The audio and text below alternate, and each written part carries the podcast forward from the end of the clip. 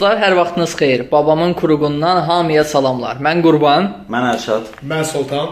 Söz verdiyimiz kimi Babamın Kuruğu podkastinin ikinci buraxılışında sizlərlə birlikdəyik. İlk öncə başlayaq sizin geri dönüşlərinizdən mükəmməl geri dönüşlər almışıq. Burada mənim ən xoşuma gələn tərəfi isə ilk dəfə dinlədikdən sonra reaksiya babamın kuruğu necədir kimi yadda qalan bir söz birləşməsi olmağı oldu. Yəni bu həqiqətən də xoş bir haldır. Seçdiyimiz adın nə qədər doğru olduğunu göstərir. Daha kreativ olduğunu Hə, göstərir. yəni də doğru olduğunu göstərir məncə. Bu gün də yenə maraqlı mövzularımız var. Həftə ərzində baş verən hadisələrdən bəzi mövzular seçib birlikdə o məsələlər haqqında söhbət Və edəcəyik. əli dolu gəlmişik. Bəli. Həqiqətən çox əli dolu gəlmişik. Bəli, ilk mövzumuz keçən buraxılışda söhbət elədiyimiz mövzunun davamıdır. Bildiyiniz kimi keçən buraxılışda biz Tahir Kərimdən söhbət eləmişdik və onun bu çıxışını qınamışdıq. Sağ olsun bilmirik biz qınadığımıza görəmi ya başqa bir səbəbdənmi Tahir Kərimdən üzr istəyib. Sahibə Qafarovadan da, cəmiyyətdən də, bizdən də. Düzdür, yəni biz podkastımızı ə, üzr istənilən gün paylaşmışıq. Ancaq yəqin ki, necəsə bir yol tapıb dinləyiblər. Yəni üzr video, üzr videosu gəldi. Yəni adətən öyrəşmişik bunu başqa şəxslərdə görək, avtoxuliqanlarda falan görək. Amma yəni bu dəfə ə, Tahir Kərimlidə gördük biz bunu. Yəni belə. Allah bağışlasın. Deyirəm ki, Qurban bəy, tək ki Azərbaycanda bütün hər şey üzr istəməklə həll olunsaydı. Yəni heç bir dərdimiz qalmazdı, yəni. Keşke onu üzr istəməklə hamısını həll edə bilərdik. Deməli ikinci mövzumuz nədir? Bunu sürpriz kimi hazırlamışdım. Sizə bəlkə də özünüz xəbərlərdə oxumusunuz. İki yaşlı vətəndaş evləniblər və onun şəkilləri çəkilib paylaşılıb və altından müxtəlif reaksiyalar gəlib onlara. Gah qınayan, gah tərifləyən belə-belə. Axırda həmin xanım açıqlama verib deyib ki, Biz bezmişik də. deyib ki, bezmişik. Bəs mütəmadi zəng ellər deyir, ərimdir, ərim deyir ürək xəstəsidir. Narahat eləyirlər onu. deyir ki, deyir qələt eləyib də iş tutmuşuq da deyir. Mən yo məncə çox yəni üzlərindən xoşbəxtlikləri üzlərindən hiss olunurdu insanların, yəni çox O biri e, dünyalarında xoşbəxt olsun inşallah. Yəni 40-ında örgənən inşallah 70-də heç eləməz. Deyir, ki, deyir qələt eləyib iş tutmuşuq da. Mən bir sizlə maraqlıdır. Ə, bilirsiniz də evlilikdən sonra düzdür bizim ə, hər üçümüz hal-hazırda subay olsaq da ə, evlilikdə belə bir məsələ var ki, evlənəndən sonra hansı ki ə, il dönümləri keçirilir, gümüş il dönümü, qızıl, brilyant il dönümü. Mənə maraqlıdır ki, onların qızıl il dönümü neçə yaşlarında təsəvvür ediləcək, yəni ki, Təsadüf eləyəcək. Lakin onda ə, dünyamızda nələr baş İnşallah verəcək? Allah uzun ömür versin Allah deyə uzun ömür versin növbəti deyə, Allah mövzuya keçək də. Növbəti mövzuya keçək. Növbəti mövzumuz bizim 50 manatlıq əskinas haqqındadır. Bizim 50 manatlıq əskinas Beynəlxalq Holoqram İstehsalçıları Assosiasiyası tərəfindən ilin ən mütərəqqi dizayna malik ən təhlükəsiz banknotu kimi seçilib. Mənə maraqlıdır bu təhlükəli banknot nə deyirlər? Yəni yol kəsib pulunuzu pul tələb edirlər, eləyirlər.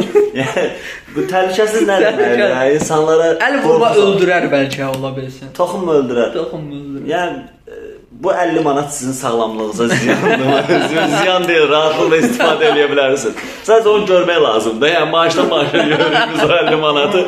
Ərşad bir şey də qeyd edeyim ki, yəni e, Türkiyədə baş verən son durumlar, olaylar, yəni e, Türk ilərisinin nə qədər təhlükəli olduğunu gətirib Yox, göstərdi. o mövzu ilə bağlı mənim belə bir fikrim var ki, Buyurun, buyurun. yəni bilirsiniz də insan ilk yarananda tanrını, möcüzəni göylərdə axtarır. Yəni məsəl üçün bir yanğın olub buna bir məna verə bilməyib də. Biz məsəl üçün indi hər şeyi yandıra bilirik və bir yanğın olduğu zaman buna bir məna verə bilməyib. Yəni göylərdə axtarır, göylərdən gələn bir sir kimi. Həmişə də o göylərə çatmağa çalışır. Misir piramidaları, digər ölkələrdəki piramidalar filan, yəni 4000 pilləli e, abidələr, nə bilim, tapınaqlar filan. Yəni hə, bu tanrıya yüksəlməyə çalışırdı o, o dönəmki insanlar. Yəni türk lirəsi də məncə tanrıya yüksəlməyə çalışır hal-hazırda. Yadıma siz nə dayanmaq bilmir. Bir məşhur rəsm əsəri var, o yadıma düşdü. O Adəmlə tanrının Hə, e, toxunmağa. Bəli, toxunmağa bir-birinə. yəqin ki, yəni o nöqtəyə gedirlər. Yəni barmaq barmağa dəyəndə vəsiyo yəqin ki. Bəlkə də son dövrlərdə milliyətçilik meylləri artımsa Tanrı dağına yüksəlmək istəyir. Hə, Ola bilər, yəni mümkündür. Yəni bu yüksəlməyi belə belə sürətlə davam eləsə mükəmməldir yəni. Bəli, Azərbaycanlıların ə, Türk lirasına və Trendyol'a birinci yürüşünə start verilib. Yəni Trendyolda məsəl üçün mənim belə deyim də tanıdığım bir çox şəxs var ki, Trendyolu çökdürüb bu dəqiqə. Yəni Trendyolun saytını bütün Azərbaycanlılar işğal edib. Əslində bir tərəfdən yəni bu yaxınlarda Türkiyəyə getmişdim.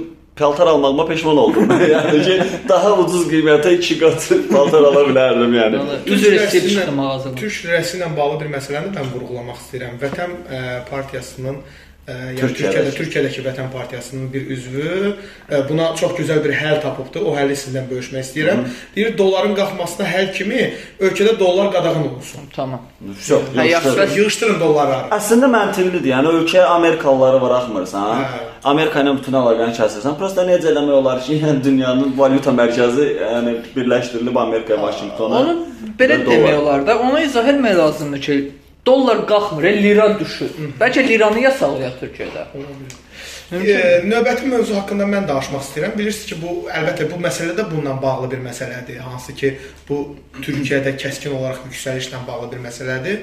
E, bilirsiniz ki, bu dollar yüksələndən sonra Türkiyə Birləşmiş Ərəb Əmirliyi ilə müqavilə bağladı, hansı ki Birləşmiş Ərəb Əmirliyi rəqəmi xatırlamıramsa, bilmirəmsə 100 milyard dollar həcmində Rəqəm dəyişir, yəni 10 milyard eşitdim, 20 milyard eşitdim. Tam dəqiq bir rəqəm yoxdur və onu bilirəm ki, müqavilə imzalayıblar. Və mənə maraqlı olan birisiz hansı məsələdir? Bir zamanlar e, 15 Temmuzun Birləşmiş Ərəb Əmirliyi maliyyələşdirdiyini qeyd edən Mevlud Çavuşoğlu e, o gün baş verən o toplantıda e, Birləşmiş Ərəb Əmirliyini əl çalırdı və alqışlayırdı həmçinin. Yəni biz bir mizah verilişiyiz də. Yəni məncə buna girməyə ehtiyac yoxdur. Mövlüd Çavuşoğlu Gəlin, gəlin qınıyaq mövzusu. Yox, belə mizahi bir yanaşma eləyim ki, yəni uzun dönəmdir, hardasa bir 2002-dən bu yana belə desək, yəni Türkiyə ekonomik e, bir təhlükə altında olduğu anda, ekonomik kriz yaşandığı anda ölkədə bir anda doğal qaz tapılır, bir anda ərəb yatırımcılar gəlir Türkiyəyə falan. Yəni bütün bunlar bir bir anda baş verir və e, bu bir anda demişəm buradan Məhəmməd Əli bir anda da Allah rəhmət eləsin. E, və bütün bu hadisələrdən sonra üstünə bir müddət keçir deyən də yoxdur ki, ay qardaş, bəs biz qaz tapırıq. Sən başma dönüm.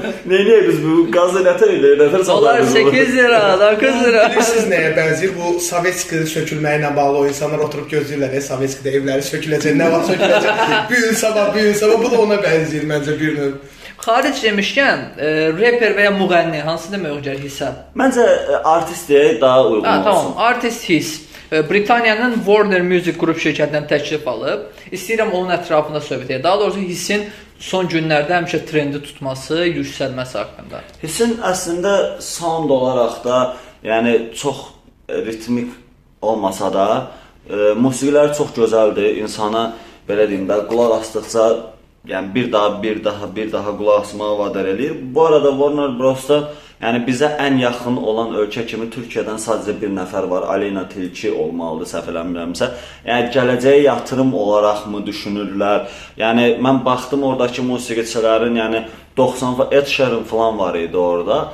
E, Yəni o e, studiyanın tərkibində olan musiqiçilərdən.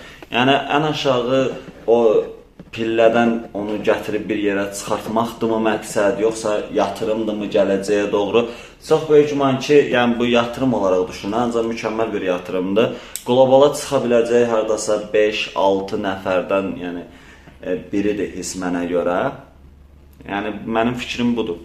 Yəni his ümumiyyətlə bizim dünyaya çıxarası markalarımızdan biridir məncə. Çünki bundan əvvəl də bəzi nümunələr olub. Deyək məsələn Nadir Qafarzadə Rusiya şou bizdə keçmək istəyirdi. Biz şey linza taxıb. vaxtında yəni hardasa çox olmaz bir 2 il 3 il bundan öncə olar. Biz Amerikaya ən böyük zərbəni vurduq biz, yəni Elarizi göndərdik. yəni. Və Amerika heç bir ölkə tərəfindən bu qədər təhdid olunmamış. Və bu Azərbaycan tərəfindən oldu. Və hisslə bağlı bir məsələni də deyim mən. Yəni həqiqətən hiss e, yəni mənim e, dinlədiyim playlistimdə olan müğənnilərdən biridir və həqiqətən çox sevirəm. Hətta ki onu deyə bilərəm ki, yəni e, dünya üzərində ümumiyyətlə də Avropada e, maşallah futboldan başqa hər sahə üzrə qabağa gedə bilir, amma bir tək futbolda nəsə bəxtimiz gətirmir, nəsə bizdə Nə ola alınmır. bilər də hər ölkənin öz bacarığı var. Bizdə də bu alınmır da. Yəni məcbur deyil. ki. Məcbur deyil ki. Biz də başqa bir şeydə üstün olaq. Məsələn ə, məsələn əlbəttə mövzunu davam elətdirə. Yəni burada məsəl üçün Səmranın rolunu önəmsəmək lazımdır. Burada önəmsəmək lazımdır Pasterin, Epinin, yeni nəsil gələn musiqiçilərin və artistlərin rolunu E, və adamlar həqiqətən də mükəmməl işlər görürlər, həm sound olaraq, həm e, yazmaq olaraq. Məsəl üçün Rüzgar da burada qeyd eləmək istəyirəm. Rüzgar da məsəl üçün nə qədər yazdığı sözləri bəyənməsəm də adam sound olaraq çox keyfiyyətli işlər görür. Yəni həqiqətən də e, göz önündə bulundurmaq lazımdır bu məsələləri. Məsələn Eyyub Yaqubov. Ha, Eyüp Yaqubov şansonun dünya üzrə yeganə təmsilçisi olaraq Baxın, mən Azərbaycanda. heç kimin günahını almaq istəmirəm. Bilirsiniz ki, Eyyub Yaqubovun mahnılarını Elçin İmanov yazır. Elçin İmanovun çox yaxşı əsər olan mahnılar var. Məsələn, Yeni Obaq olaydı var, Küləklər var və s. və s. Amma heç kimin günahını almaq istəmirəm. Amma Eyyubun oxuduğu bəzi mahnılar heç də ayıq başdan yazılmış mahnılara oxşamır. Amma yəni Yəni bir içki masasının məhsulu kimi görsənir. Məsələn, papuqayın danışması.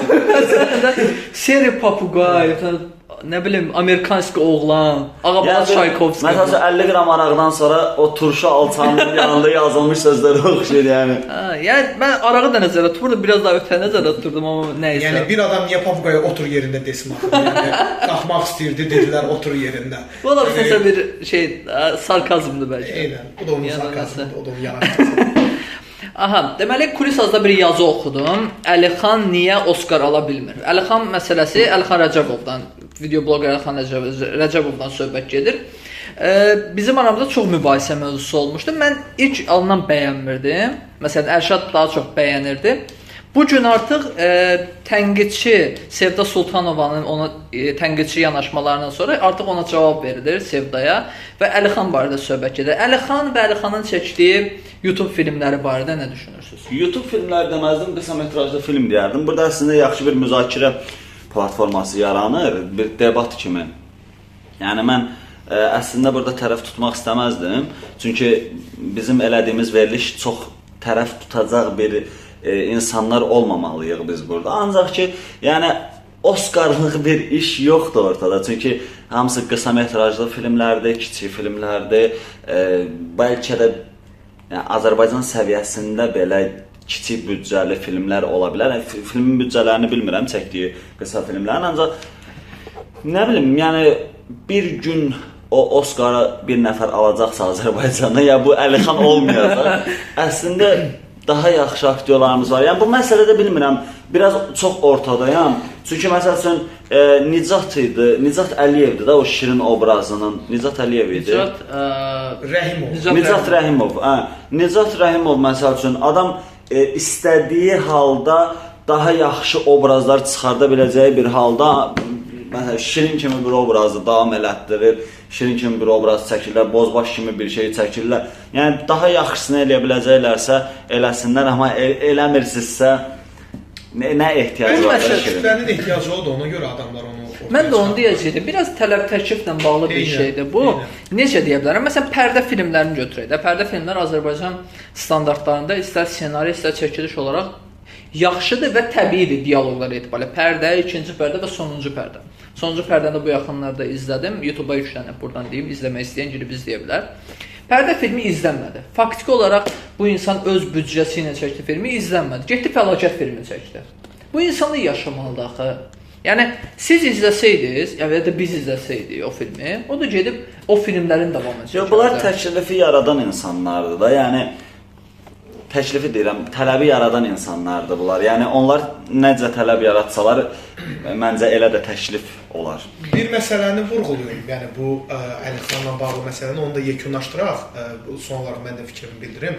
Ə, məncə Azərbaycan ə, Oskar almalı idisə, məncə bu Oskar Azərbaycanın 80-ci, 90-cı illərində çəkilən filmlərə və aktyorlara verilməli idi.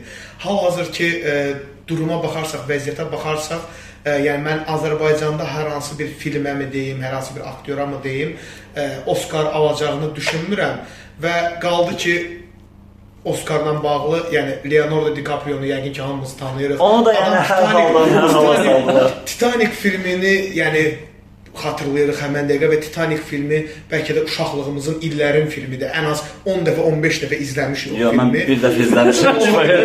Ola bilər. O da müəyyən bir hissəsində, amma avtomobildə olan Yo yo hissəsində. mən filmi nəysə. Yox, mən ümumi film Yox, izləmişəm. Azərbaycanda üzr istəyirəm. Azərbaycanda bu gün Oskara çıxacaq bir insan var. O da Pərvin Abiyevadır. Pərvin Abiyeva ə, bir filmdə çəkilmək üçün 20 min manat pul Çox üzr istəyir. istəyirəm. Oskara çıxacaq deyəndə Oskar mükafatı veriləcək şəxs olaraq. Yəni Oskar. Yəni 20 min məncə Azərbaycan e, toplumu üçün, Azərbaycan kino industri industriyası Sənayesi üçün. Ə, kəm- sənayesi üçün yəni biçiləcək məbləğ deyil məncə. Çünki illərin aktrisaları, illərin aktyorları var və onlar bu qədər qonorar istəmirlər. Nə bilim, yəni Pərvin Abiyeva yerinə daha çox mimik istifadə edən, daha çox mimika istifadə edən bir aktrisa tapmaq olar məncə. Yəni 20 min biraz çox məbləğdir mənim fikrimcə Azərbaycan şəraiti üçün. Bəlkə də.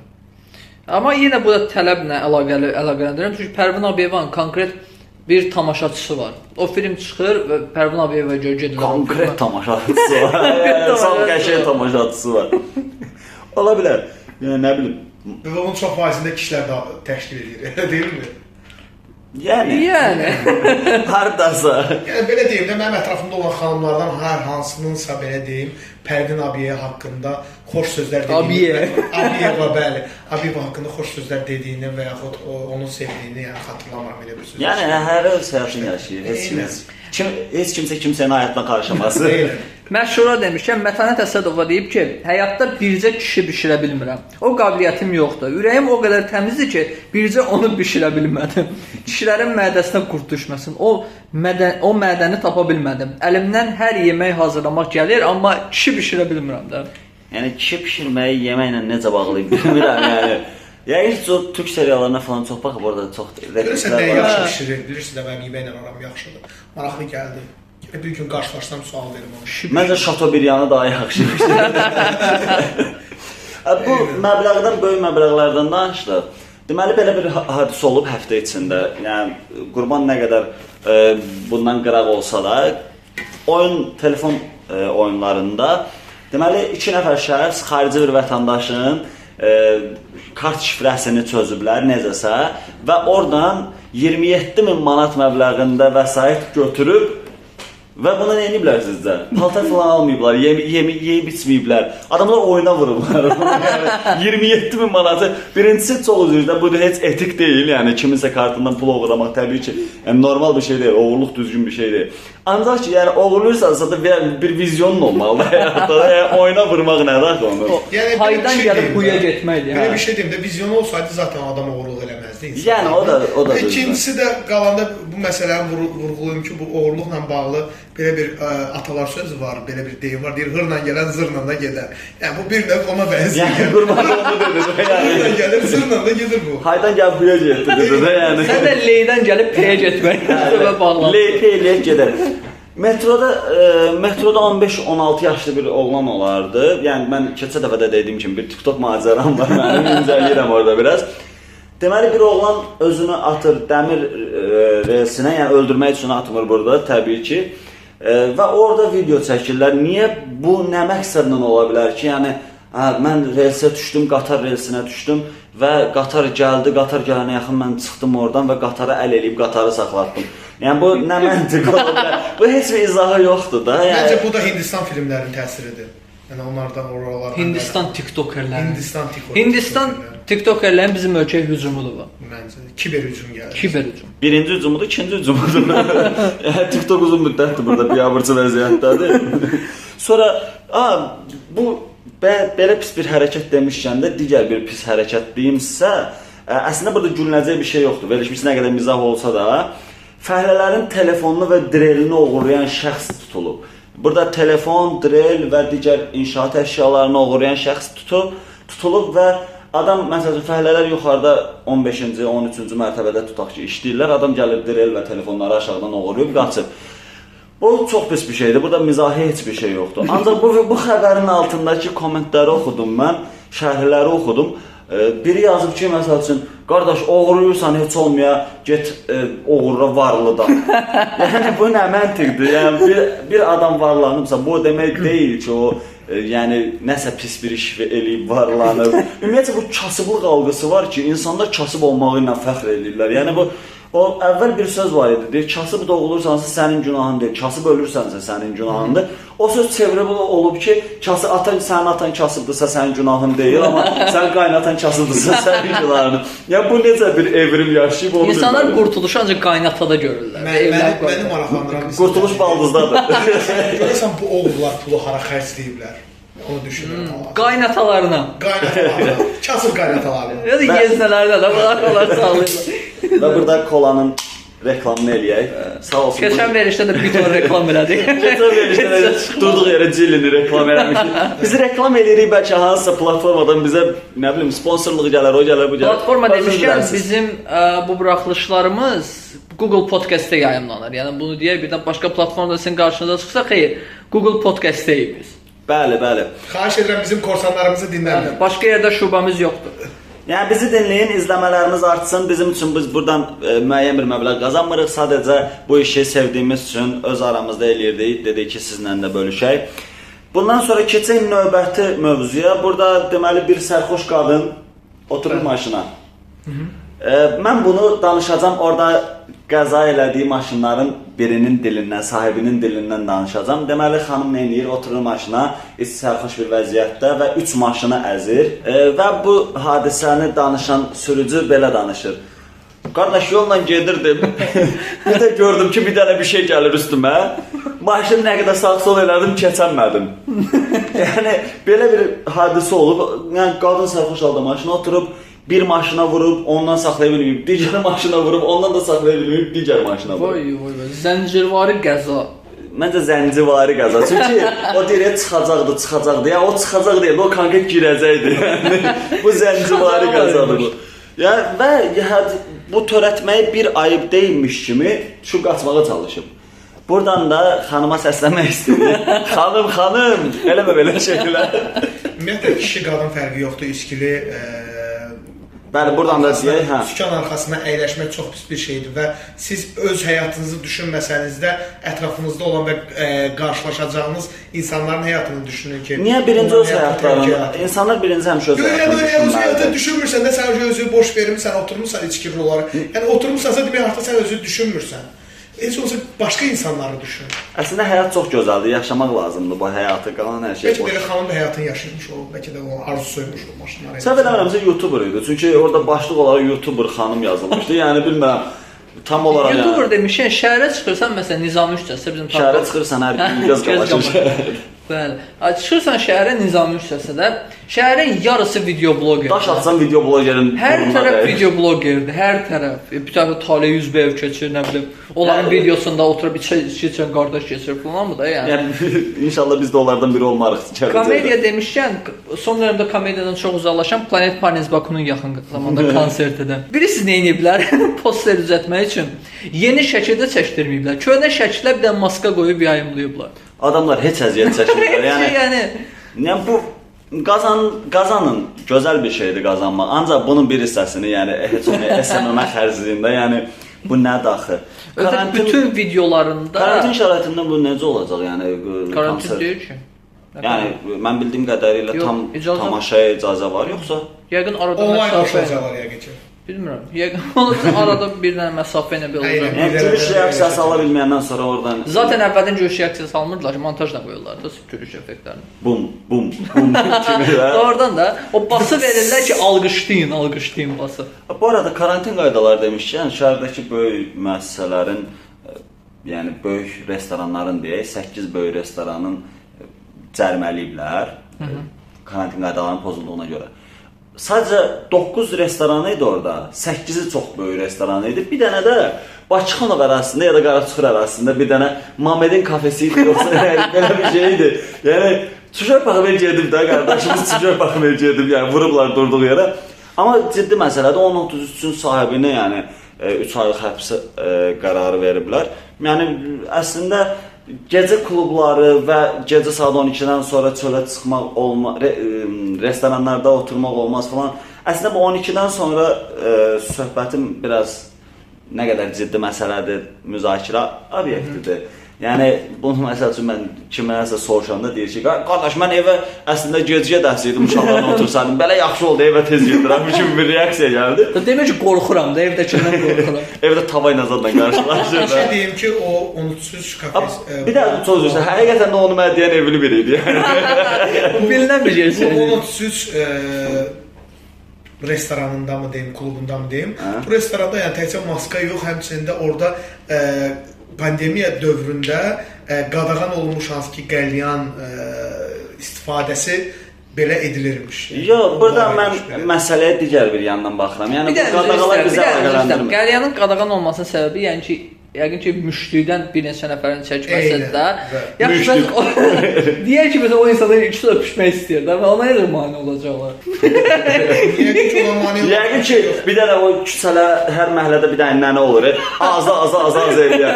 Ya onlardan gətirib qoyacaqlar. 2 dənə o cütlüyü öpüşən kimi orada ağza ağza ağza ağza eləyəcək. Pis söhbət ölür orada məncə. Yəni bu tip Amma gecə qarşı. vaxtı da küçədə nə işi? Özü Tbilisi kimi bir prospektdə, o restoran bilirsən. Nənənin orada nə işi var? yəni, yəni Xüsusi oradan təyinatlı nənənin nənə. adına söz çıxa bilər o küçədə. Yəni elə bir yerdir. XTN xüsusi təyinatlı Söz nənə. çıxmaq demişkən, deməli yeni e, bir kaps gördüm. Qız öz anasına deyir ki, mən sevgilimlə gedib görüşmək istəyirəm. Anası deyir ki, ehtiyatlı ol. Kişilər hal-hazırda sadəcə bir şey haqqında fikirləşir. Qız deyir seks, deyir xeyr, Spider-Man çıxacaq yeni filmi. Spider-Man çıxacaq yeni filmindən xəbəriniz var? Bəli, bəli. hazırda məlumat oldu. İddialara görə, iddialara görə bundan əvvəlki Spider-Man rolunu oynayan 3 obrazın üçü də eyni filmdə olacaq. Ya bu öz təsdiqini məncə tapıb. Niyə? Çünki fraqmanda diqqətlə e, Malayziya üçün səhv eləmirəmsə olan fraqmanda ya da hansısa başqa ölkə ola bilər. Yəni bizim veriliş tam rəsmi xəbərlərə dayanmır. Yəni. Hansısa başqa bir fraqmanda o orada bir kərtənkələ obrazı var. O kərtənkələ obrazının e, baş hissəsinin bir anda əyildiyi görsənir və orada yəni nəsə silinib oradan. Və kadrajda biraz yuxarı hissədə Spider-Man var. Çox böyük güman ki, aşağıdakı Spider-Man-i siliblər falan. Əslində ola bilər yəni. Yəni Marvel filmlərində bu treylerdə fərqli montaj olunması Bəli, bəli. Məsəl üçün Geniş e, Infinity şeydir. War-da səhv eləmirəmsə, halkı məsələn halk kimi göstərdilər, amma e, film çıxandan sonra gördük ki, halk Cumhuriyyət xalqı var. Film çıxandan sonra görürük ki, halk məsəl üçün əslində e, köhnə obrazındadır, yəni açqılı banner formasındadır və halk ola bilmir. Bir dənə Xalq ola bilmir. Xalqa sökənmək Bir, lazım. e, bir söz dedin yadıma bir e, hadisə düşdü. Malayziya dedin yadıma. Bu e, Fikrət Adgözəlovun İslam oyunlarında e, Malazyalı idmançıya Masallıdan olan idmançı kimi təqdim eləməyi yadıma düşdü. Yəni Niyə söz dönüb dolaşıb masallıya gəlir? Mən, mən adamdan danışıram qardaş. E- Eşq olsun Ərkivan oğlu. Yox, bu yaxınlarda region liqası var bizdə, 3-cü futbol liqası kimi. Region liqasında Ərkivan PFK deyə Peşəkar Futbol Klubu deyə bir komanda var. E, bu bir də o- peşəkardılar. ha. Hə, ba banner hazırlayıblar. Üstündə də yazılıb ki, burası masallı, buradan çıxış yox kimi. yəni bütün Ərkivan uşaqlarına eşq olsun burdan da. Yəni Ərkivan komandasına sözümüz deyil yəni. Əslində o biraz Salyana daha çox aid bir şeydir. Birincisi Salyanın ucu bucağı yoxdur. Yəni Salyandan çıxış çox çox çətindir. Bir də ki, girişi türmədir, çıxışı dəlixana. Qəşəng. Bəli, apasın zonada girmə. Bəli. Sən bu sözləri hardan öyrəndin? Pərvizdən. Deməli belə bir xəbər oxudum. E, Albert Einstein'in not dəftəri həracda satılıb bu həftə. Və fantastik bir rəqəmə satılıb, yəni 13 milyon dollara satılıb. 13 milyon dollar. Yəni bir dəftər nədir ki, ona 13 milyon dollar? Einsteinin bilmədiyimiz nə isə qalıbmı ki, yəni o dəftərə 13 milyon dollar verəsən. Düşün bir milyardersən, eləyəcək heç bir şeyin yoxdur və Einsteinin dəftərinə pul verirsən. Kaş Yəni Einstein mənim babam olardı. Einstein. Einstein kimsə xalası oldu. Mətənə təsadüf. Mənim xalam olurdu. Mətənə təsadüf əslində çox gözəl səsi var, amma yəni təyinatı üzrə istifadə eləmir. yəni lazımsız Fazil Mustafa kimi biliyi çoxdur, amma təyinatı üzrə istifadə eləmir. Yəni çox lazımsız yerə istifadə edirlər fikirlərini. Bu günləri oğurluqdan da çox danışmışıq. Bir oğurluq hadisəsi olub ki, məni şoka salıb. Məsəl üçün adam oturacaq bir şey axtaranda, yəni ya gedər məsələn mağazadan alış-veriş eləyər, gedər mebel dükanına girər, qardaş stol neçədir bu qiymətə, ver gəlsin ya da aşağı elə bəyənmədim filan. Stol seçər, alar evinə divan, kreslo alar evinə oturar da. Da gedib parkdakı stolu oturacağı niyə oğurlayasan qardaş? yəni bu çox absurd bir məsələdir də. Bu dəyərli bir şeydir. Xalq xalqın demin də. Qardaş, millət bizim millətimizdir, qardaş. Millət mənim millətimdir, qardaş. Dövlətin, mən bilmirəm, Türkiyədə belə bir qanun var da, dövlətin malına zərər verir deyə, hökumətin yox, dövlətin malına zərər verir deyə bir cərimə verir. Zaten hökumətin malı diye bir şey yoxdur. Hə. Dövlətin malına Burada çox öz eləmədim. Nəysə, dövlətin malına zərər verir deyə buna bir xüsusi bir cərimə tətbiq olunmalıdır. Bu adam gedir Yəni bu hadisə Gəncədə baş verir. Tutublar adamı. Hə, tutublar. Yəni İnəyiblər. Heç də yəqin ki, həbs cəzası ilə qarşılaşmır. Yəni həbs cəzası üstə gəl. Ya da şey yapışdırıblar da öyle. Skamyaka yapışdırıblar. Skamyaka nədir yerinə qoyublar? Yəni o, o maraqlıdır. Bu nətər çıxardı? Bu skamyakalar bağlamırlar ora. Yəni, bastır. Ya- Torpaq bastırmırlar onlar. Yo, mən bildim Bizim bütün parklar boltla bağlayırlar. Hə, bizim bütün parklar mərmər olduğu üçün yəni burada bir yaşıllıq salın arada bir çox xahiş eləyirik. Oğurlaya bilməsinlər. Hə, yaşıllıq salın otu heç kim oğurlamayacaq. Yəni mərmər dəyərli bir şeydir də. Onu ata aparıb sata da bilərlər. Dəqiq bilmirəm nə. Yəni yəqin ki satdılar. Bəli, bəli, bəli. Hə. Yəni mərməri mərmərin üstündən onu çıxartmaq özü böyük bir, yəni şücaət tələb eləyirdi. Onu mərmərin üstündən heç kim görmədi. Mərmər də çox maraqlı bir adı də var, mərmər olmaq. Bəlkə də gel mərmər ustası işləsəydi ondan daha çox pul qazanardı yəni o usta. Mərmər demişəm. Səhv eləmirəmsə Osmanlı dövründə mərmər şapalaqlayırlar. Şah Osmanlı tokadı. Hə, Osmanlı tokadı. Bu arada mən də bir məntiqsizliyə diqqət yetirdim. Deməli metroya minmişəm. Metroda qatar getdikdən sonra orada vaxt göstərir də. Köhnə qatarın nə qədər getdiyini göstərir, nə qədər vaxt ərzində getdiyini göstərir. Bu mənim nəyimə lazımdır? Mənə yeni qatar nə vaxt gələcək o Hə, maraqlıdır. biz Ankarada məsəl üçün yeni qatar nə vaxt gəldiyini yazılırdı. Ha, o, iki o mənə maraq. Mən neynirəm köhnə qatar neçə dəqiqə əvvəl gedib? Bunun mənə nə faydası var? Faydası Yəni ki, neçə dəqiqə əvvəl, yəni 5 dəqiqə əvvəl bundan olsaydı, gəlib bir dənə gedərdi. sən də pul versəydin, sən də keçərdin. Peşman olmaq üçün də vaxtında evdən tez çıxdılar. Ya vaxtında sən də pul versəydin, sən də dərsindən keçərdin. Pulumu ver, şəklimi çəkdi. Hə, Cristiano Ronaldo'nun sevgilisi. Burada Oha. belə, belə girdin söhbətə. Cristiano Ronaldo'nun sevgilisi Georgina xanım Lionel Messi'nin həyat yoldaşına olan şəklinin altına komment atdı. Allah xoşbəxt etsin. Ya burada heç bir şey yoxdur. burada bir nənə ədası ilə Allah xoşbəxt dilənsin deyə deyə bilərik də. Burada heç bir şey yoxdur. Sultan senin nələr? Məsələ nədir? Məsələ türk mediasında niyəsə bu xəbər çox qeyri-adi bir şey kimi kimi paylaşılıb və e, güya ki Georgina belə bir şey deyib ki, aman Ronaldo görməsin. yəni, bütün dünya gördü, bir dənə həyat yoldaşı mı görmədi, sevgilisi mi həyat yoldaşı mı? Artıq nədirsə də. Yəni bütün dünya gör Ronaldo görmürsə, yəni bu artıq belə deyib də oha da yəni bu on bundan o tərəf. Şeydə yox. Ronaldo hara baxır falan da. Belə başlıqlar da Düşün. Ronaldo'nun qruqunda Ronaldo'nun dostları söhbət edir. Vay Allah. Ronaldo'nun arvadı ikinci pərdədə. Ronaldo'nun arvadı verir. verir. Ya çox Nətər, belə də yan pörtü. Ya bu xəbər anlayışı çox fərqli yerdən fərqli yerə evrilib. Yəni bu bu bu xəbəri də paylaşan, yəni aman Ronaldo duymasın başlığı ilə xəbəri paylaşan da Türkiyə köşkülü qəzetlərindən olan Takvim qəzetidir. Yəni sən dünən yaranan qəzet deyilsən, sən reklama pul buraxmayan qəzet deyilsən. Sən yəni ehtiyacın yoxdur da belə şeylərə. Sən bunu niyə Takvim qəzeti o aman reis duymasından sonra bu Bəlkə şeyə çox öyrəşir. Bəlkə deyirəm türk lirəsi düşüb deyə onlar da düşüblər. Ya, Səviyyə olaraq. Səviyyə olaraq yəni səviyyə ilə doğru orantılı deyirsən. Eynən. Yekun olaraq bir mövzu ilə yekunlaşdırmaq istəyirəm. Artıq biraz ciddiləşək. Sonra keçərik gülməyə. Deməli, yaşayış minimumu 2022-ci il üçün təyin olunub. Yaşayış minimumu ölkə üzrə 210 manat, əmək qabiliyyətli əhali üçün 220 manat, pensiyaçılar üçün 176 manat, uşaqlar üçün 193 manatdır. Yəni siz bunu necə dəyərləndirirsiniz? Bir şəxs 220 manatla aylıq qazancla 220 manat e, yaşayış minimumunu təmin edə bilər. Yox Məncə bu. onu ə, təmin edən şəxsi biz Survivor-a göndərməliyik. Acun Ilıcalı. Yox, Məncə yaşayış minimumu odur ki, yəni bir insan bir şəxsdən söhbət gedir də. Bir insanın ümumi yaşaması üçün 220 manat lazımdır. Bəs gün ərzində də. Mən mən də onu deyirəm. Mən o bilmirəm. Gün ərzində, yoxsa ay ərzində? yəni bunu gün ərzində eləyiblərsə çox gözəldir. Yəni ona uyğun e, minimuma məhqq veriləcəksə, mükəmməl bir şeydir. Gün ərzində, e, ay ərzində bir nəfərin 220 manat Hesablamaq olar əslində məsələn ət neçə kilo düşür, çörək neçə kilo düşür. Aha. Ona uyğun hesablamaq olar. Bəlkə də mümkündür yəni ki 220 manatdan. Çünki uşaqlara görə də hesablanıb da yəni bu. Və onu da fikirləşirəm ki, yəni uşağa Yəni qazanc görə, deyil, Uşağa görə 193 manat idi də qeyd elədi. Bəli, bəli. 193 manat olması və işləyən adamın da 220 manat minimum əmək haqqı alması. Yol puludur da. Yəni qardaş işləməkdənsə gəlmiş oturub uşaqlara baxanda, yəni ondan daha Yaxşı, çox belə bir yanaşma olmaq istəyirəm. Deyək ki, bir ailədə ata, ana və iki uşaq var. Bunların minimum e, minimum yaşayış minimumu ilə götürsək, bu 4 nəfərlik ailəyə 2 əmək qabiliyyətli şəxsdir. E, 220 220 e, bu şəxslər üçün və 2 uşaq var desək, ümumilikdə 826 manat eləyir. Bu.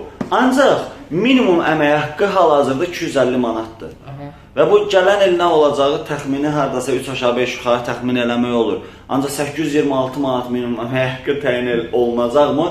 O bilinmir. Çünki hər valideyn də işləyə bilirmi?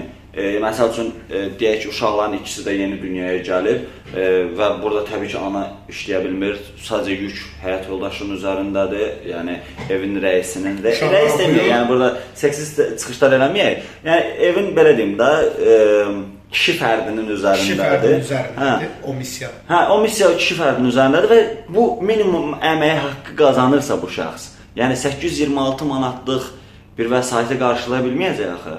Yəni bu məsələ də var. Elə deyilmi? Niyə üzümə baxırsan? Yox, mənə də maraqlı gəlir, lazım onu fikirləşirəm ki, ata olsam mən yəni nə, nə edirəm, nə iş görürəm bu üçün. Yəni onu düşündüm ki, yəni ki, məsələn iki uşağım var, ailəm məni gözləyir ə, və onu düşündüm bir anlıq. Yəni fikrim ora getdi mənim. Məncə biz yaşayış minimumu ilə minimum əmək haqqını qarışdırırıq. Yəni bu insan heç bir şey eləməsə də minimum bu insanın yaşaması üçün 220 manat lazımdır. Yəni bunu deməyə çalışırlar məncə bunlar. Yəni heç eləməsə bu da pis bir şey. Heç şey eləməsə 220 manat bunun yaşaması üçün pul lazımdır. Yəni, Onda belə deyə bilərik ki, həmin adamın yaşayışı yoxdur. Yəni, bu nə yaşayışdır? Hər gün makaron yeyirsən. Nəysə, Niyə niyə belə tələbə tələbəlik həyatında yaşadığımız kimi, gül kimi söhbət edir. Niyə qanınızı qaraltdı verin ağırında? Yaxşı, onda belə maraqlı bir mövzu da açım sizin üçün bir bonus olaraq. Ee, bizim Türkiyədə olan məşhurlarımızdan biri Türkiyədə yaşayan Nəsrin Cavadzadə xanım var. Ee, filmin adı Bir saniyə. Məsələn, oğlan adı bilirdim. Hə, Nəsrin Cavadzadə. Şu Çakırın da var nəslində. Nəsrin var idi, hə. Yaddaş. Yasak Elma serialı var. İzləmirəm, yəni bilməm nə haqqındadır serial. Almanın yasak Cavadzadə orada. Adəmlə havadan bağlı olasın. Səndir, səndir, səndir, sən. Adəmlə havadan bağlı olası deyir də yəqin ki, Adəm niyə cənnətdən qovuldu zaten. Dırdıq yerə başları iş almazlar yəni. Ya da necə canlandıracaqlar da? hə, o da var. Yəni məsələn 5 Amma ən azından geyimə pul xərcləməzlər. düz zordur da. Yəni bir də yarpaqla həll eləyirlər. Neysə, aha. Qrimonla həll eləyirlər. Nəsin Cavadzadə Yasak Elma serialını yarımçıq qoyub. Və bu da belə deyim də işdə axsaqlıq yaradıb təbii ki. Burada aktrisa düzgün aktrisa seçimi falan o bu və bundan sonra serialı bu halda tərk edə biləcək şəxslərə 750 min TL cərimə ödəməli olacaqlar. Yəni məncə Nəsrin Cavadzadə gözə alıb bunu. Çünki 750 min belə götürəndə hal-hazırdakı pulla bir məbləğ deyil. yəni Allah Əkbər dağlarına çıxıb TL. Ona görə də məncə Əslində Nesrin Cavazzadə nə qədər bizim müğən, e, bizim aktrisa da onu deyə bilmərik. Çünki 13 yaşından etibarən bu insan Türkiyədə yaşayıb. E, Məsələn Azəri qızı Güneylə nə qədər bizim müğənni olduğunu deməyimiz biraz düzgün çıxmır. nə türk qızı olsaydı daha yaxşı olardı da yəni. Daha, daha rahat danışa bilərdi. Bizim kimi Yəni, deyə hə, türk qızı olsaydı məsələn rahatlıqla həm Türkiyədə deyə bilərdi ki, mən türk qızıyam, həm Qazaxıstanda, həm Azərbaycanda, hər yerdə. çox gözəl sənədə sahib bir xanımdır, yəni həqiqətən mən çox Sənətə, sənətə. sənədə bəli. Hə, mən, Sənət- mən də elə. Sənətə bəli. Mən elə bildim vəzifə olaraq deyirsən, hardasa. Elə bildim harasa işə düzəldiblər. Paqonu da. Paqon veriblər. Bu söhbətin kökü nədir? Məncə vaqon verərlər maksimum. bir, bir baş hara Moskvaya. Ha, Bir başqa da serialında aktrisanı canlandırır Nesrin Cavazzadə. Televiziyada onun serialını verirlər. Dirildi.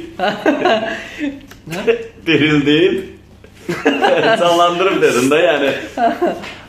Deməli, orada deyirlər ki, bu serialda nədən söhbət gedir? Nesrin deyir ki, heç baxmıram, boş-boş türk serialında intriqadır. Benim yanında beyaz kızlar var. Hələ də orada. Film dolaşdı. Gör necə güclü zarafat edirəm. Film dolaşdı nənəlim.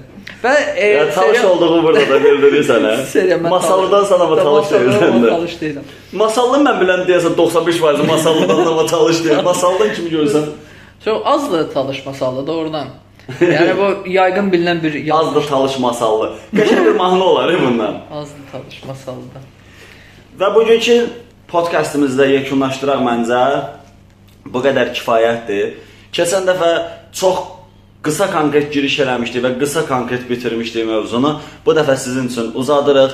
Bizi Anchor FM, Google Podcast-da dinləyə bilərsiniz. Keçən dəfə biz dedik ki, həftə ərzində maraqlı hadisələri bir-birimizə göndərək. Sən demə Azərbaycanda nə qədər maraqlı hadisələr baş vermiş, nə qədər qeyri-adi hadisələr baş verilmiş. 40 dəqiqə bizə güclə bəs elədi bundan. Və bu arada siz də ə, maraqlı hadisələr gördükcə ə, bizə göndərə bilərsiniz ə, və yaxud bizə yaza bilərsiniz. maraqlı hadisə olar məncə. Ə, yaza bilərsiniz gördüyünüz həftəlik proqramları hansı ki ə, videolarımızda qeyd edə bilərsiniz. Amma sayta, bildirə bilərsiniz. çox desəm, göndərdiyimiz sayta diqqət edin. Maraqlı şeylər olan çox sayt var yəni. Hər an maraq dairəsi fərqlidir. Xahiş edirəm Azərbaycanla bağlı olan. Çox xahiş edirəm. Instagram, Google Podcast və Telegramda babamın kurğunu izləməyi unutmayın. Növbəti buraxılışda görüşmək üzrə. Hələlik dostlar. Hələlik dostlar. Hadi eyvallah.